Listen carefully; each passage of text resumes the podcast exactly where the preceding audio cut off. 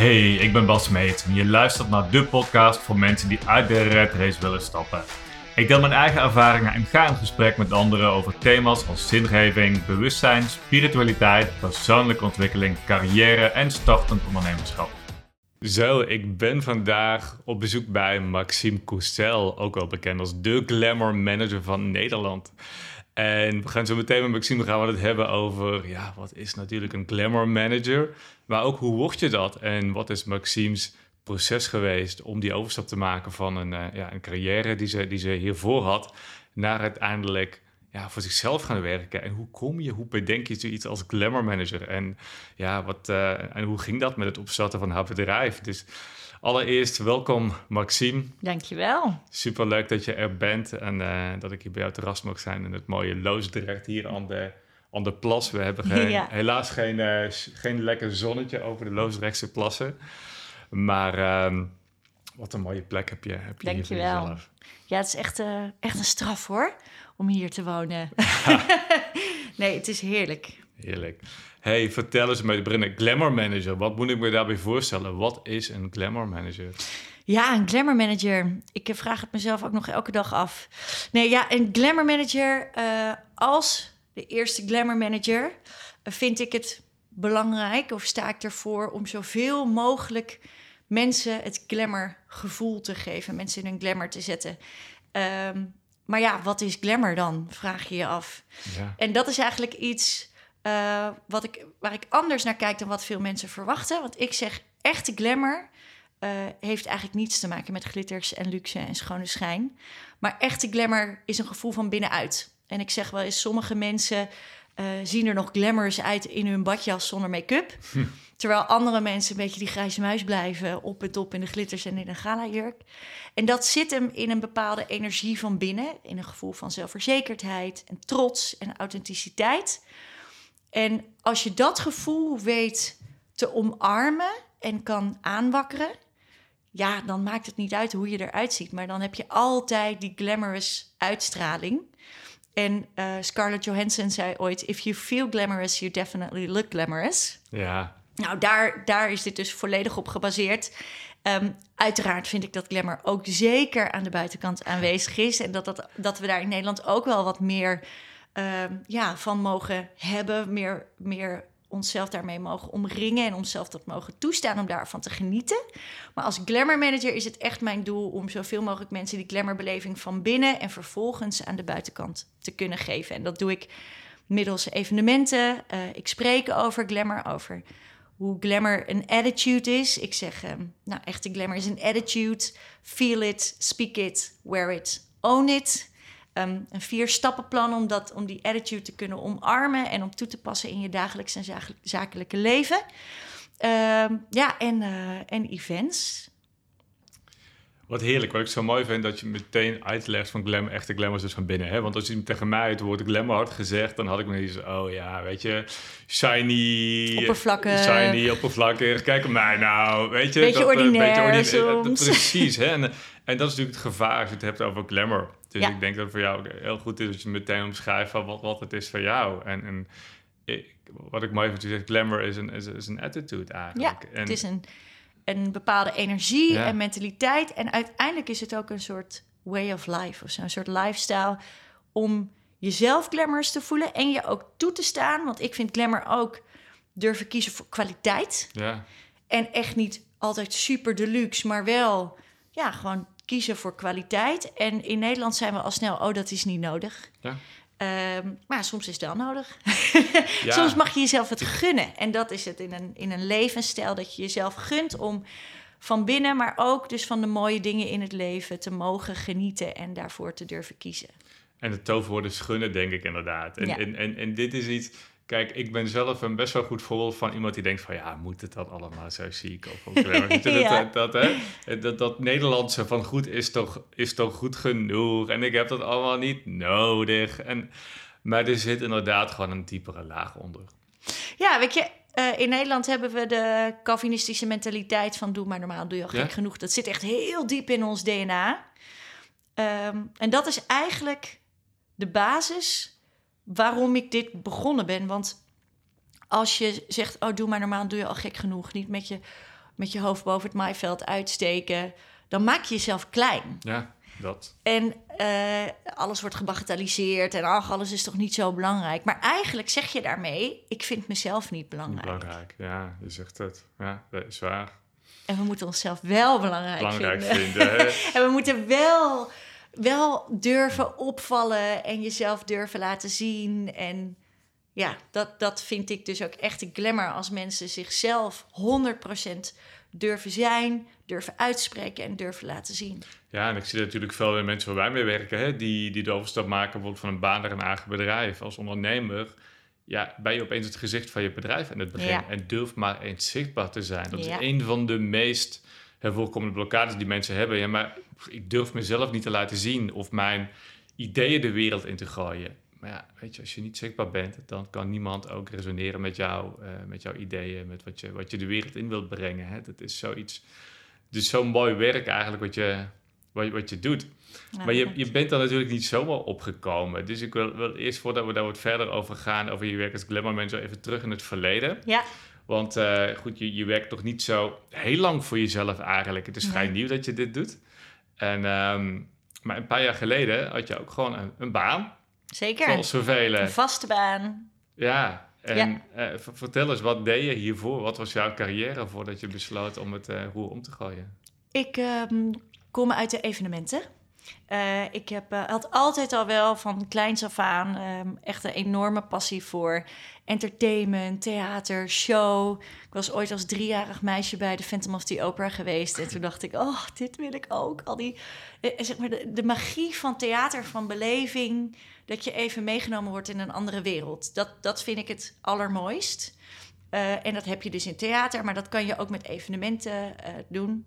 Ehm, na mijn studie, eh, ik heb ook een, een studie in de entertainment gedaan. En toen heb ik eh, ooit beurzen, ik ben ooit bij de beurzen begonnen.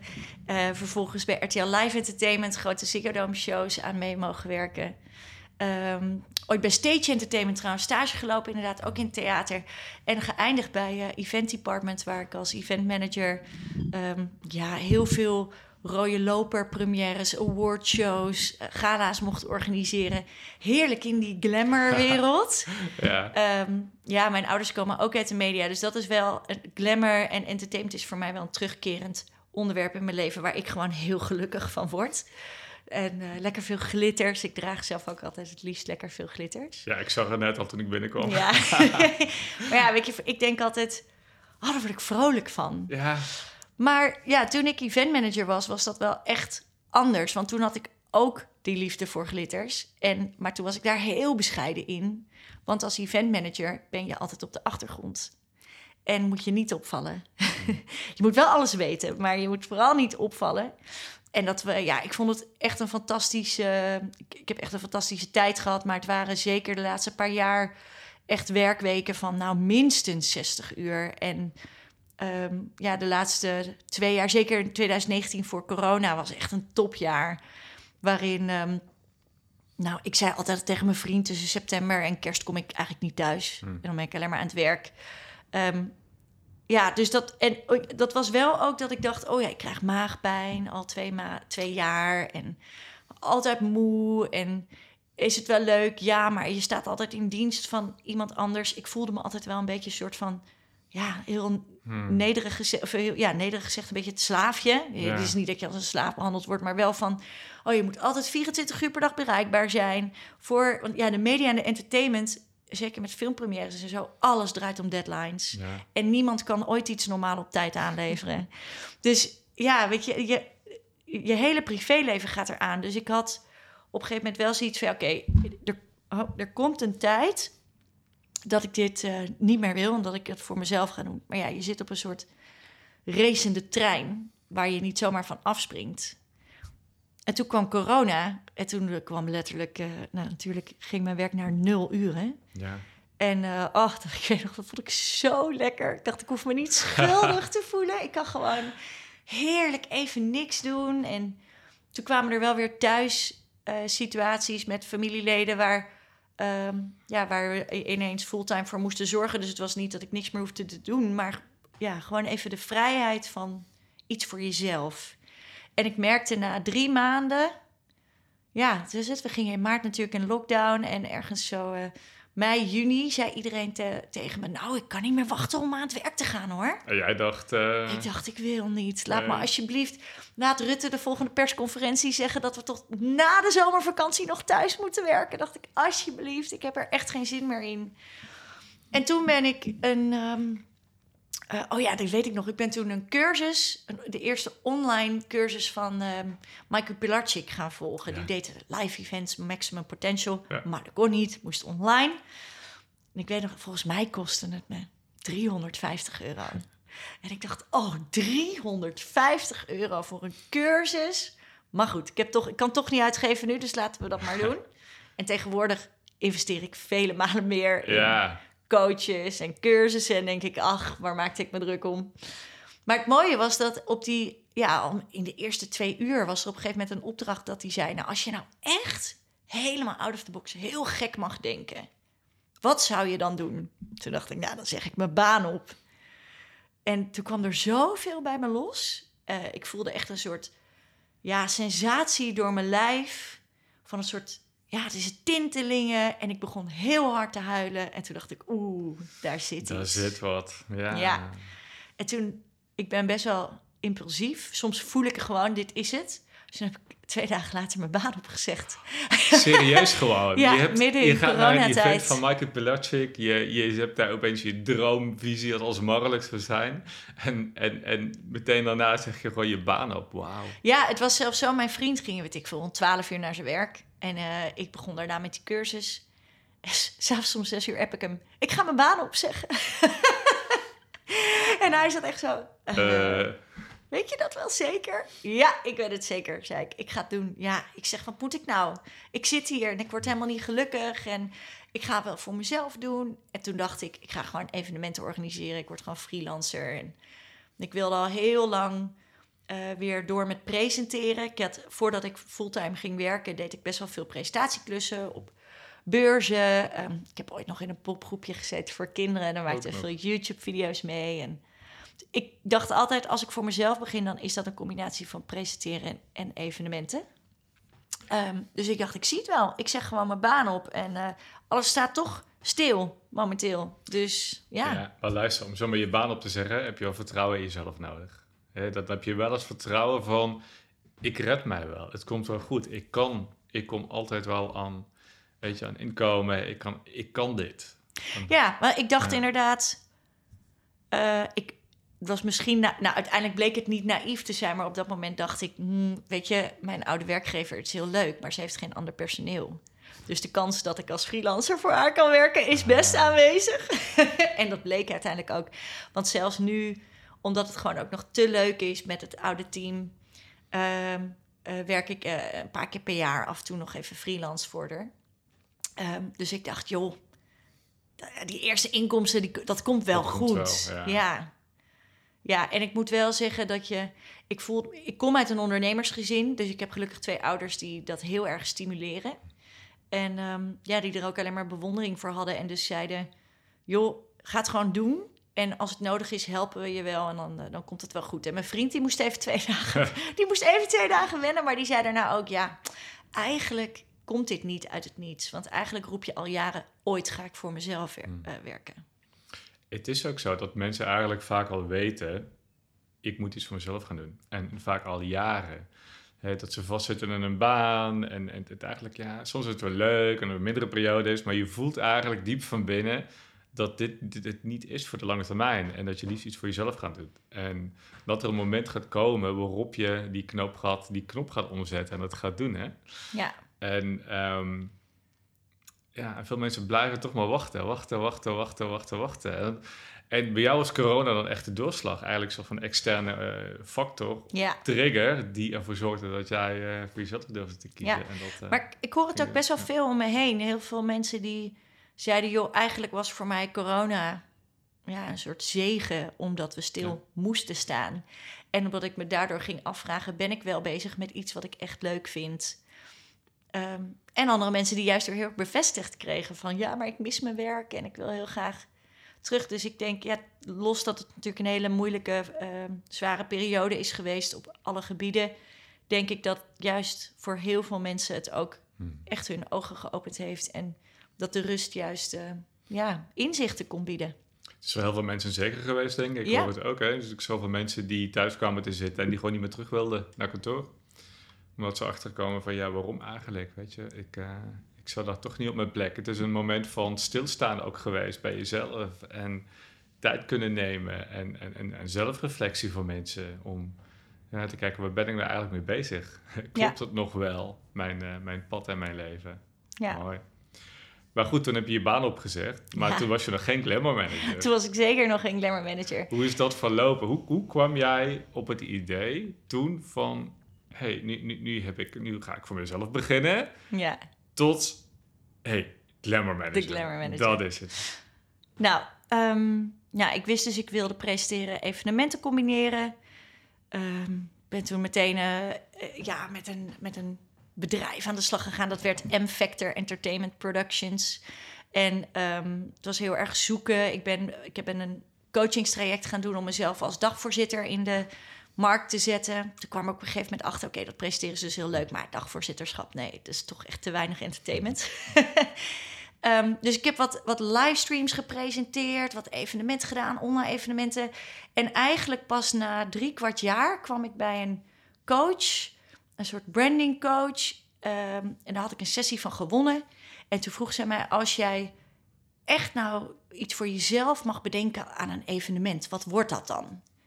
En toen dacht ik, ja, dan wil ik een mansion. Dan zie ik een, een, een echt een fantastisch landhuis voor me. Eh, en dan wordt het drie dagen waar vrouwen uitgeblust ingaan en sprankelend en vol zelfvertrouwen Oh. weer helemaal uitkomen. En dat ze dan in die mansion, dat er lifestyle en ontwikkeling en, en culinaire hoogstandjes en glamour en alles moet bij elkaar komen. Eigenlijk omdat ik vind dat we als, ja, dat vooral de vrouwen in Nederland zichzelf veel te veel wegcijferen, ehm, veel te bescheiden zijn. En ik kan er altijd zo van genieten als ik bijvoorbeeld op die premières de vrouwen in hun mooie jurk zo zag stralen op de rode loper. En dan denk ik, dat gun je toch iedereen? Dat is niet alleen voor de BN'ers en voor de influencers. Dus ik dacht, ik wil zo'n ervaring creëren waar al, zeg maar, voor, ja, even makkelijk gezegd, voor alle vrouwen, dat ze ook van die beleving kunnen genieten, maar dat ze ook leren zien hoe mooi ze zijn en dat ze mogen stralen en sprankelen en dat ze gewoon even niet die uitgebluste vrouw van het dagelijks leven zijn. Dus toen ja, zag ik dat eigenlijk al redelijk snel voor me. En kort daarvoor had iemand mij gevraagd van... Goh, ik begreep dat ik bij jou moet zijn voor eh, meer glamour op mijn evenement. En ehm, ja, ik ga jou dan eh, voorstellen, maar ik wil daar eigenlijk wel een leuke titel aan geven. Hoe kan ik jou dan noemen? Ik zei, nou, ik zou het echt niet weten. Ja, degene die meer glamour toevoegt aan je evenement. Zij zei, oh nee, jij bent de glamour manager. en ik hoorde dat en toen dacht ja. ik, dit is echt verschrikkelijk. Dacht ik, wie doet er nou een glamour manager? Maar het was wel grappig, dus ik weet nog dat ik mijn oud werkgever appte. Iemand heeft mij net de glamour manager genoemd. en zei ook, ha, ha, ha, helemaal grappig. Maar ja, toen kwam dat concept bij die coach en toen zei ik, ja, laatst zei iemand tegen mij, jij bent de glamour manager. En toen zei ze, wauw, maar dat is het. Jij bent de glamour manager en dan heb je de glamour mansion. En eh, ja, ik heb natuurlijk een specialisatie in glamour evenementen. Dus ik weet ja, als geen ander hoe je die glamourbeleving neer moet zetten. ja. Dus dit was gewoon echt 1 en 1 is 2. En dit was in april. Ja, dit was eind april 2021. En ehm, ik kwam thuis en toen vertelde ik het mijn familie en mijn vriend. En die was, iedereen was, oh, het is eigenlijk best wel grappig, best wel leuk. En toen weet ik nog dat ik eh, twee dagen later dat ik het op Instagram postte. Dat ik dacht, oké, ik ga gewoon... En eh, ik ging toen bijna elke week live op Instagram. En toen dacht ik, dit is mijn stok achter de deur. Want ik, ja, ik heb geen idee, wat is dan een glamour manager? Maar daar komen we wel achter. en toen heb ik gewoon op Instagram live gezet... ja, ik ga mijn droombaan creëren... En ik, ik weet het helemaal. Ik heb een tof event gezien. En glamour is mijn specialiteit. Ik word de, de allereerste glamour manager ter wereld. Oh, wauw. Gewoon- En De wereld in gegooid. wat waren gegooid. reacties van mensen? Superleuk. heel, vooral heel veel herkenning. Omdat eh, vooral mensen die mij dan kenden, die zeiden... oh, maar jij bent ook echt een glamourmeisje, zeiden ze. En dat is iets wat ik pas dat eerste jaar van ondernemen... steeds meer durfde te laten zien... Want ja, de mensen die me van vroeger kenden wisten dat wel. Maar door die rol als eventmanager is het al snel zwarte kleding, onopvallend. Eh, ja, het draait niet om jou, het draait om de gasten. Dus ik moest echt wel... Ja, het was voor mezelf ook een proces om te durven laten zien... dat ik eigenlijk helemaal gek ben van glitters. en dat ik het liefst in de meest opvallende kleding loop. Ehm, dat, maar dat was voor mijn mindset ook echt wel dat ik dacht... oeh, nou, ik heb al een... eh, wat had ik? Ik had een glittertopje aan met een spijkerjasje en allemaal heel casual. En toen zei iemand tegen me: Hallo, jij bent de glamour manager. Je mag echt wel wat meer. En toen dacht ik: Ja. oh, Denk je? Denk je dat mensen het dan nog steeds oké vinden? Dus dat was voor mezelf ook echt zo'n proces. En nu own ik dat. Dus dat was ook een van de reacties. Mijn eigen vader zei toen: Oké, nu heb je gezegd dat je de glamour manager bent. Dan moet je ook echt de glamour manager zijn. Dus heb je foto's nodig, er moet nieuwe branding komen. En toen dacht ik, oh, oh mijn god, wat heb ik zo net gedaan? Wat komt er dan nu in godsnaam op me af? Je stapt in een hele nieuwe rol eigenlijk. Ja, voor maar- jezelf. Ja, en iets wat ik altijd wel wil. Want ik bedoel, ik heb eh, ooit een vooropleiding musical gedaan. En ik was altijd ook wel met podiumervaringen zoveel bezig. Maar ja, je had zo lang had ik in die rol van eventmanager op de achtergrond gezeten. Dat ik het eigenlijk heel oncomfortabel vond om weer naar de voorgrond Naar te de gaan. te gaan. Ja. En dan over glamour te praten in een land als Nederland, waar, ieder, waar niemand daar eigenlijk op zit te wachten. En dan mezelf vol in de glitters te gooien. Maar toen we een keer, ja, toen een maand later ging ik een brandvideo opnemen. Terwijl, ja, nu is de glamour manager alweer heel anders. Want we zijn anderhalf jaar verder, bijna twee jaar verder. Is dat die video die op je website Ja. eh, Nee, staat? niet op mijn Of- website. Hij staat nog wel op ja, YouTube op ergens. YouTube. Ja, op YouTube Ja, stond hij. Ja, in, gezien. in Tuschinski. Ja, want het, was ineens, we gaan dit doen. Dus ik dacht, oké, eh, brand story. we moeten dit even bedenken nu. En het is niet helemaal uit lijn of zo, maar toen was het echt wel volle bak in de glitters. Oh, wat kon ik daarvan genieten, weet ik nog. En nu, op een gegeven moment gaat zich dat fine-tunen. En dan denk je, oh nee, nee, het gaat toch om, net om iets anders. En dan ga je daar echt een merk van maken. En dan, dan heeft gewoon, dat heeft gewoon tijd nodig om te ontwikkelen.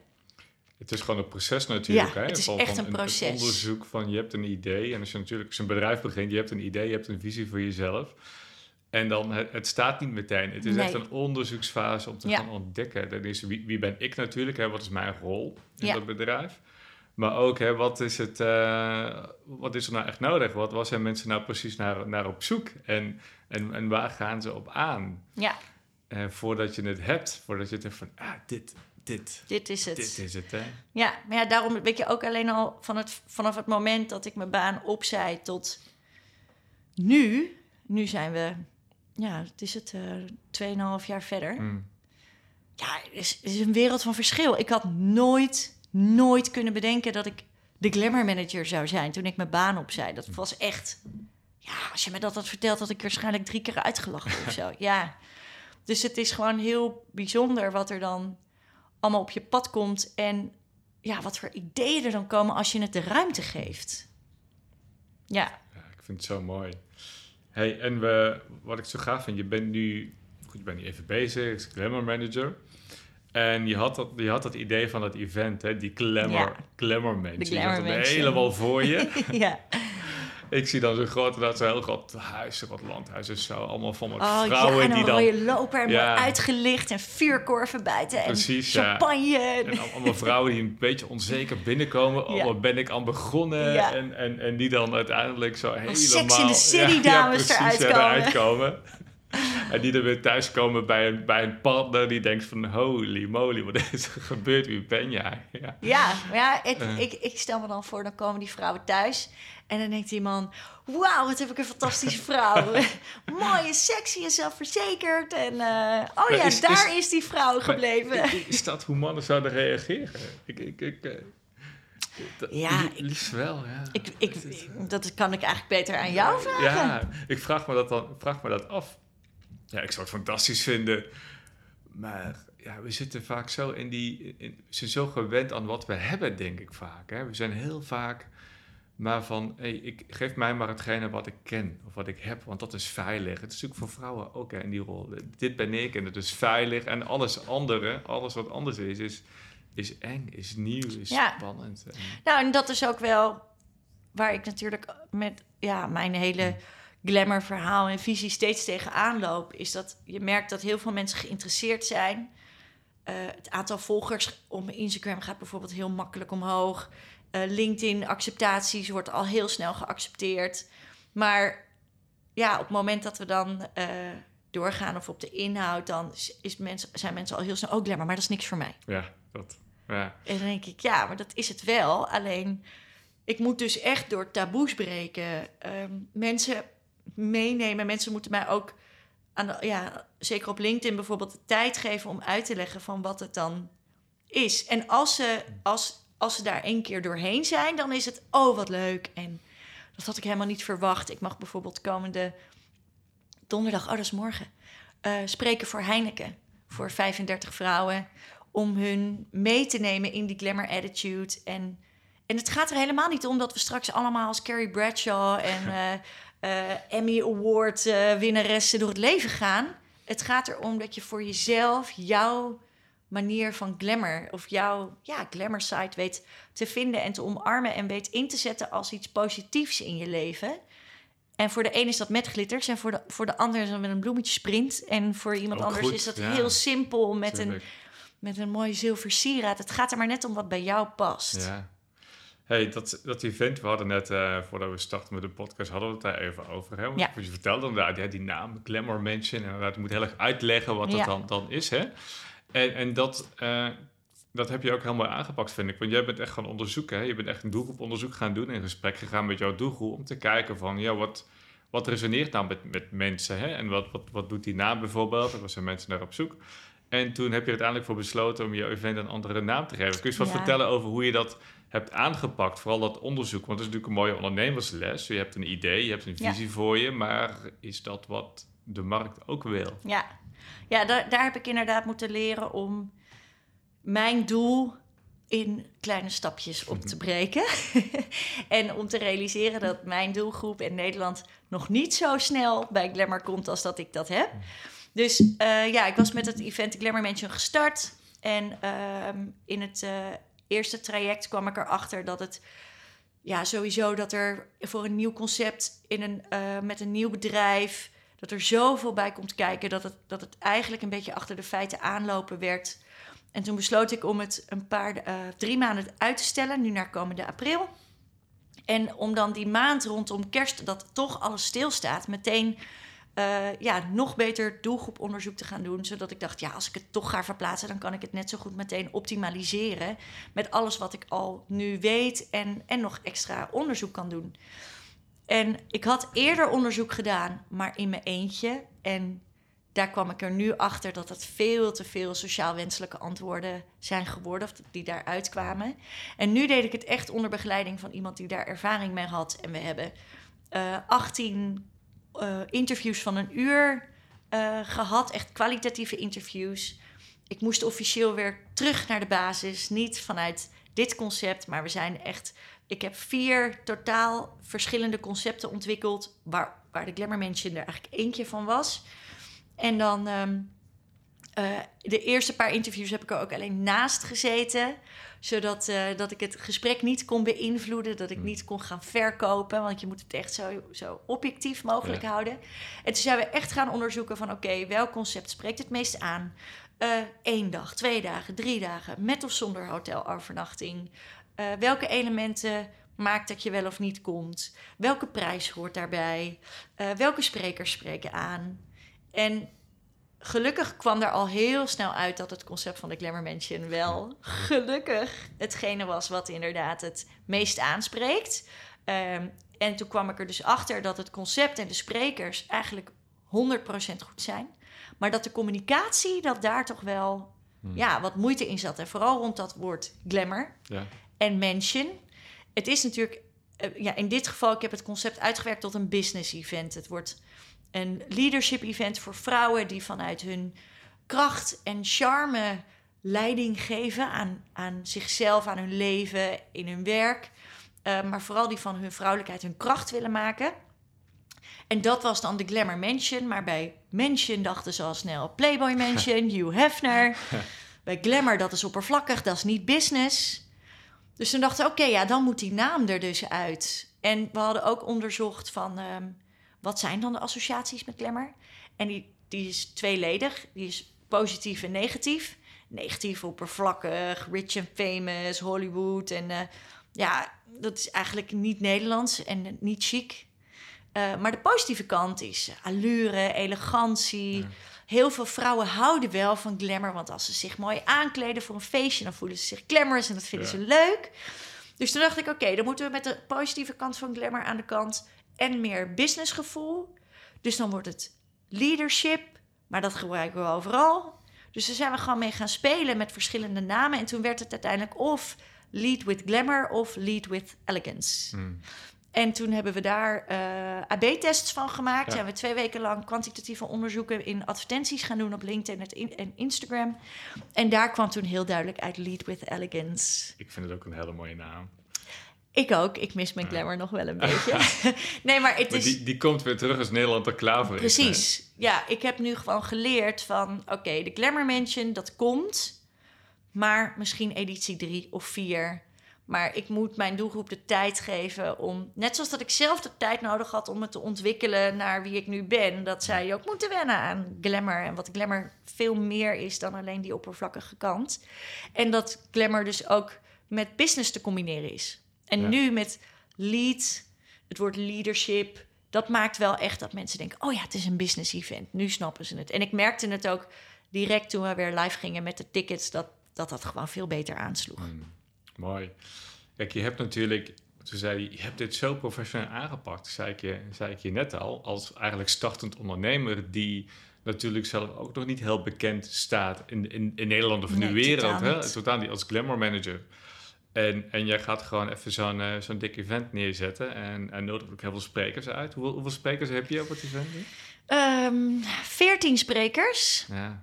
En, uh, en uh, het is echt een mix van um, ja, echt BN'ers. Leko van Zadelhoff, Karin Bloemen, Natasja Harleken. En, en wat onbekendere sprekers. Maar het zijn allemaal echt top zakenmensen. Uh, ik heb maar twee mannen, de rest zijn vrouwen. Dus ik wou bijna zeggen zakenvrouw, maar er zitten ook twee mannen bij. Ieder is echt een specialist, expert op zijn vakgebied. En vooral de vrouwen, vind ik, dat zijn echt vrouwen die durven hun nek uit te steken. Die hebben hun eigen uh, ja, manier van elegantie. Die hebben hun eigen glamour. Um, die zijn echt, vind ik, een ontzettend mooi voorbeeld mm. van, een, van een vrouwelijk leider uit deze tijd waar iedereen wat van kan leren. En hier zit zo'n mooie lesson voor veel mensen die luisteren. Want kijk, jij, jij begint ook net zoals zoveel startondernemer. En je zet wel een event mee neer met echt gewoon bekende, goede mensen, goede sprekers. Je pakt het gewoon in één keer groot aan. En mensen denken van, ja, hoe komen die mensen nou op jouw event? En hoe durf je dat? Hè? En, maar dit, dit is gewoon, ja, kijk, die mensen die gewoon inhuren. Dat is niet zo moeilijk uiteindelijk als jij gewoon een goed event neer, uh, neerzet. Ehm, en, en, en, dat is bijvoorbeeld wat ik, wat ik noem van echt groots denken. Heel veel mensen denken, joh, um, ik, ik ben mijn eigen bedrijf. En nou ja, als ik naar mijn eerste jaar, als ik dan, weet je, als ik gewoon 3000 euro per maand heb of overhoud, dan ben ik wel blij. Dat is wel oké. Ik hoef niet zo nodig. Maar dat is ook waar ze voor plannen. En dat is ook waar hun mind hun na naartoe brengt. En, en, dat zijn ook de acties die ze ondernemen. Uiteindelijk halen ze dan misschien 50, 60 procent van dat doel. En dan denk je van ja, uh, ben je daar dan echt blij mee? Hè? En ik zeg, doe het een keer tien. Doe het echt keer tien. Als jij start met je bedrijf, je hebt een idee...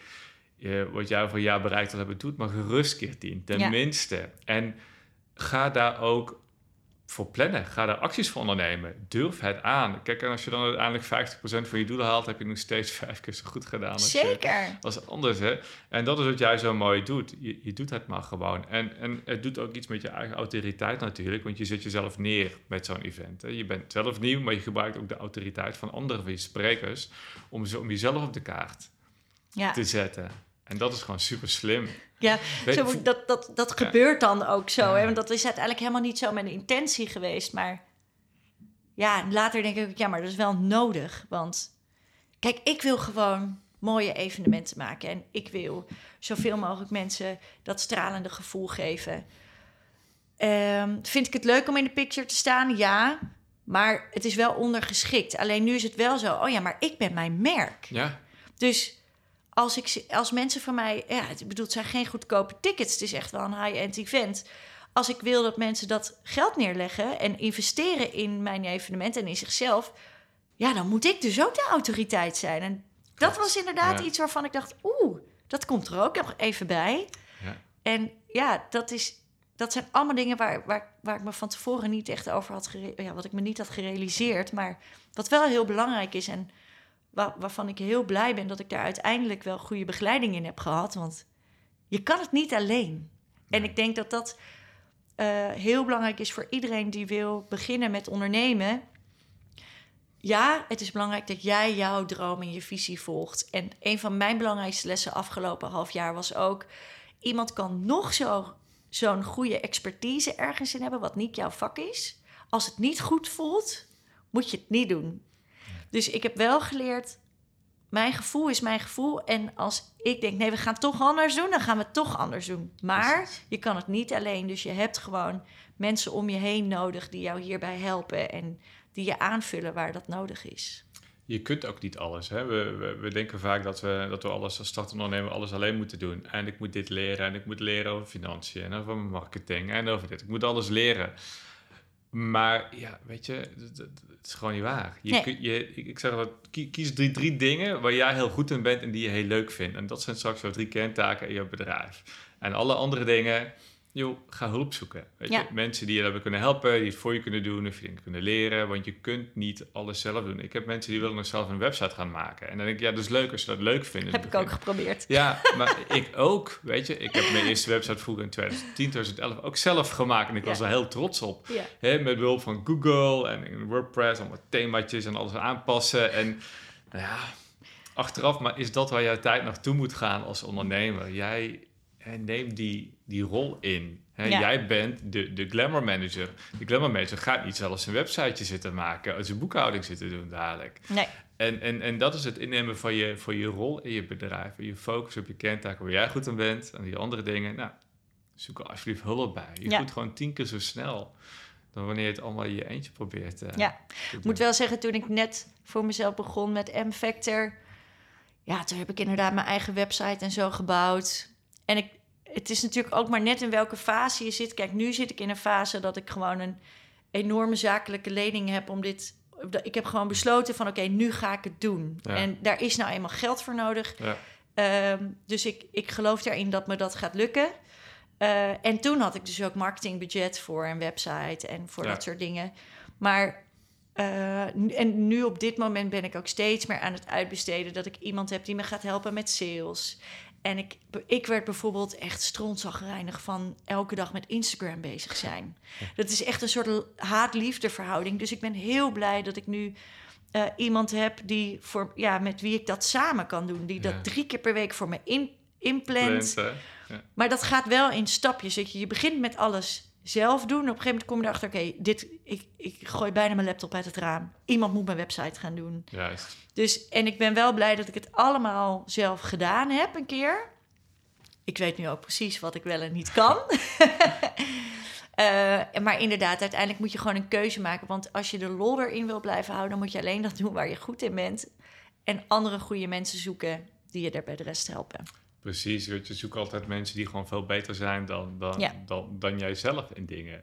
En er zit ook vaak een ego in de weg. Bij mij was dat tenminste zo. Van, van ja, ik moet het zelf kunnen. Ik moet het zelf Oh ja. doen. Hè? Want Ja. ik weet precies hoe, het, hoe ik het wil. En iemand anders dan... En toegeven dat andere mensen het dan beter kunnen dan, eh, dan ik. Voor mij was er wel een... eh, Maar dat is sowieso meer mannen, mannen dingetje, hè, denk ik. Ja. ja, ja, bij mij was het heel erg...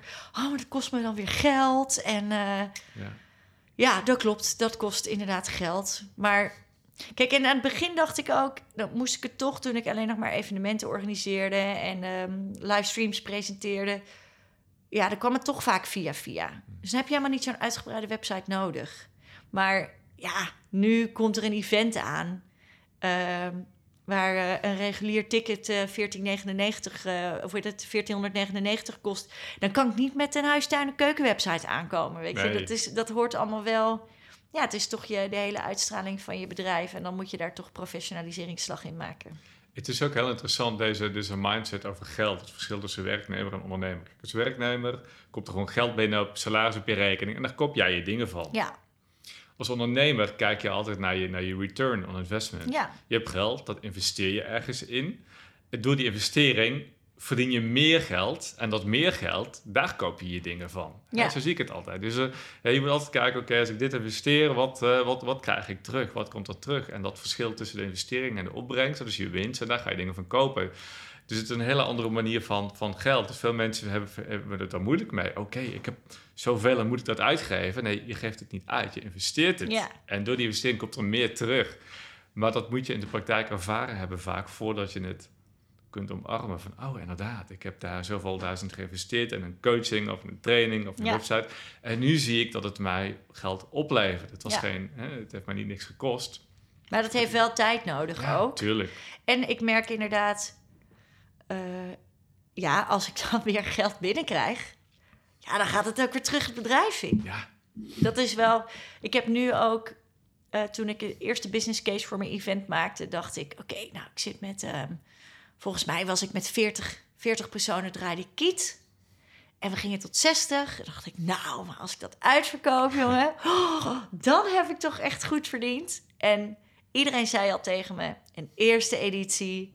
Ga nou maar vanuit dat je blij mag zijn als je kiet draait. En ik dacht, nee, ik niet. Ik kan winst maken. En, eh, en nu zijn we een stuk verder. Nu denk ik, nee, het maakt helemaal niet uit. Als ik alsjeblieft kiet draai, dan is het echt helemaal prima.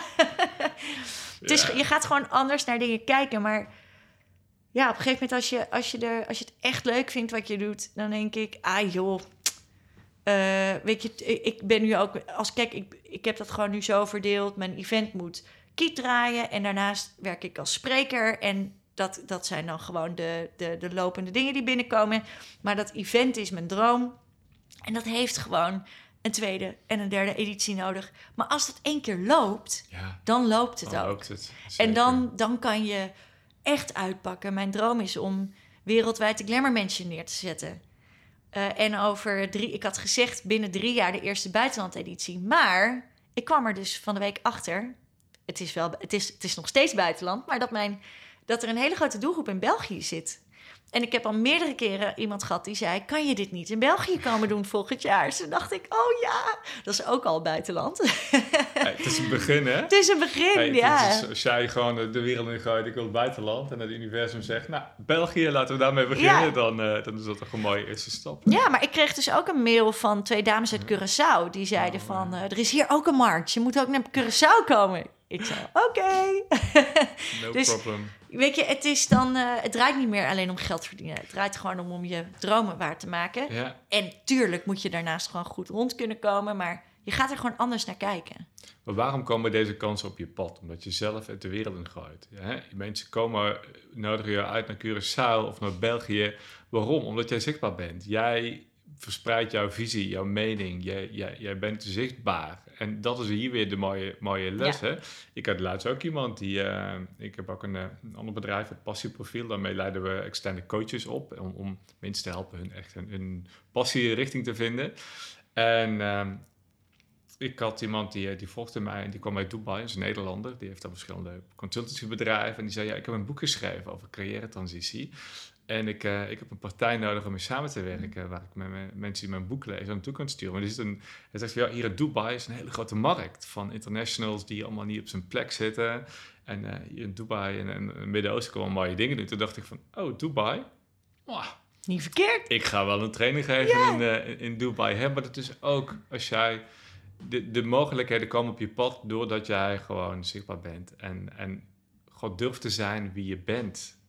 En je durft uit te spreken. En jouw jouw mening geeft, jouw visie neerzet. En mensen gaan erop aan. Ja, nou, en En dan komen de opportunities komen op je pad. Ja, en precies wat je zegt, hè, dat je durft om jezelf te zijn, dat je durft zichtbaar te zijn. Dat is eigenlijk waar de hele Glamour Manager om, Om- gaat. hè? Ja. Ja. ja. dat is het echt. Want eh, iemand vroeg mij laatst, eh, heb je ook wel eens een huispak aan? Dan ben ik ook wel nieuwsgierig. Zeker ja. heb ik ook een huispak aan. Maar ik heb dus bijvoorbeeld... Oh ja, ik had een paar maanden geleden... was ik weer nieuwe video's aan het opnemen. Maar dat zijn allemaal nou, story-formaat. En ehm, ja, dan zijn mijn voeten niet op zichtbaar. En ik heb gouden uks.